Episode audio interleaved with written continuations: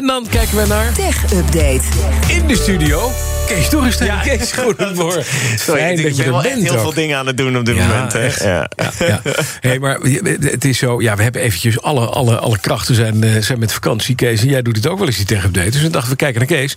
En Kees doet dit ook. Kees, duizend dingen doe ik je vandaag van Ja, BNR. exact. De bitcoin-koers die schiet omhoog, Kees. Vertel. Zo, ja, al bijna 12% in de plus. Eh, het is echt een, eh, een keiharde lijn. Het lijkt, eh, lijkt, lijken de coronabesmettingen wel eigenlijk, als je nu dat ziet. Hè.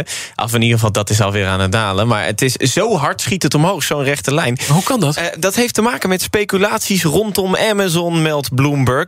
Dat bedrijf eh, zou mogelijk ook wat met de bitcoin gaan doen. En dat komt door een vacature die ze dit weekend online hebben gezet. Dat bedrijf zou zoeken naar een digital currency product lead. Wat, dat het is in Nederland, wat is dat? Is iemand ja, die, iemand eh, die hoofd is eh, van de cryptomunten binnen het bedrijf. Ah, en wat denken ze dan?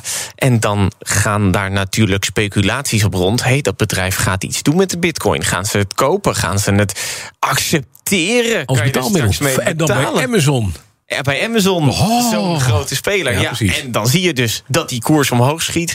Eh, staat al richting de 40.000 dollar. En dat terwijl het laatste eh, nog vorige week, begin vorige week, stond het juist hartstikke laag. Het, op hetzelfde punt als dat we er dit jaar een beetje mee begonnen. Ja. Eh, en dat komt dan dus nog bovenop het positieve nieuws over de cryptomunt rondom Musk. Dat vertelde ik vorige week nog. Die zei ook nog: Nou ja, als het wat groener wordt en dat ziet er naar uit, dan gaan wij ook wel weer crypto's accepteren in de vorm van eh, Bitcoin als Tesla zijnde.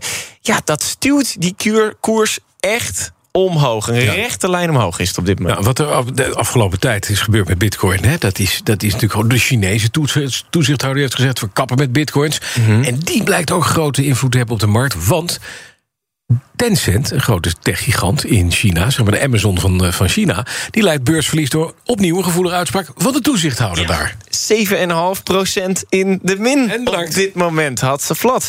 De Chinese toezichthouder heeft namelijk gezegd dat Tencent geen exclusieve muziekdeals meer mag sluiten met platenlabels. En dat bedrijf eh, dat heeft 80% van de muziekrechten in China in handen.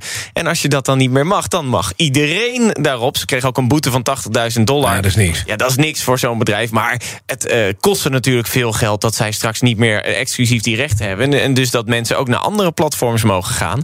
Die Chinese marktwaakhond die zegt dat het bedrijf een monopoliepositie heeft wat dat betreft. En dat ze eh, alle exclusieve deals binnen 30 dagen moeten vernietigen. Dus alle muziekcontracten kunnen ze zo door de shredder gooien op moment. dus het monopolie mag eventjes niet, zegt Nee. hij niet eens. Ja, oh, nou. Exact, dat, dat gaat te veel geld kosten. Nou, dit. er zou een speciaal team zijn binnen Tesla... dat onder meer kritiek op Elon Musk laat verwijderen... of doet verdwijnen, Ja. moet ik zeggen. Nou ja, inderdaad. Dat is eh, een bijzonder nieuwtje van Business Insider Amerika. Zij zeggen dat eh, de groene stroomafdeling, Tesla Energy heet dat, een speciale online afdeling heeft dat als doel heeft om het internet af te struinen naar kritiek op Tesla en Elon Musk. en dit is toch wel bijzonder. En dat team zou bestaan, volgens twee anonieme oud-medewerkers eh, tegen het platform, eh, voor 20 mensen die klachten over Tesla moeten behandelen en nog eens 9 mensen die echt speciaal erop gericht zijn om klachten richting Musk te behandelen. Er zijn dus 30 mensen die hier klachten containen. Ja. Best veel, hè? En het enige wat die mensen doen, Ja. is op het internet zoeken waar wordt er geklaagd. Mhm. Die klagers benaderen, kijken, hey, kunnen we wat voor je doen? En vooral, hey, kan je dat, eh, die klacht eigenlijk niet verwijderen van je social media? Dat, en, daar, en daar ook een beetje lichte druk op zetten.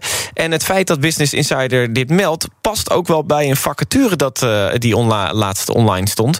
Daar zochten ze naar een social media manager die social media escalaties richting de CEO moest aanpakken. Dat is dan jouw, jouw taak. Maar dat is omgedraaid, want ze moeten eigenlijk de CEO zelf aanpakken. Ja. Dat heeft de Security Exchange Commission al eens gedaan. Je hebt op zich al gezien dat dat op dit moment eigenlijk niet werkt bij, bij Musk. En ze hebben eh, niet gekken hè, dat ze dit doen. Want het bedrijf heeft meerdere dure rechtszaken achter de rug. eh, Die ze aan hun broek kregen door tweets van Musk. Dus waarschijnlijk hebben ze zoiets als... eh, als het Musk maar niet trending gaat... dan hebben wij ons werk goed gedaan als er Dat is toch mooi, want weet je nog, eh, een jaar geleden, anderhalf jaar geleden... toen had hij dat hele verhaal met 400 miljoen eh, zo worden geïnvesteerd... door een Arabische investeerder. Ja. Toen kreeg hij een Twitter-nanny. Ja. Die Twitter-nanny die is volgens mij opgesloten ergens in een kast... en de sleutel is weggegooid. dat is echt gewoon Dat niet denk- handig. Dat denk, ik, Dankjewel. maar je weet wel, als je klachten hebt rondom Tesla... Ja. gewoon online zetten. Want dan word je veel sneller geholpen... dan dat je gewoon een klachtenmail stuurt. Dat is waar. Dankjewel, Kees. De BNR Tech Update wordt mede mogelijk gemaakt door Lenk. Bij BNR ben je altijd als eerste op de hoogte van het laatste nieuws. Luister dagelijks live via internet. Jelle Maasbach. Wesley Weert. We zijn er voor je met het leukste, opvallendste, maar natuurlijk ook het belangrijkste nieuws. Tijdens de presentatie van die halfjaarcijfers toen die beurskoers in elkaar kukkelde. BNR Beurs. Voor de slimme belegger. Blijf scherp en mis niets.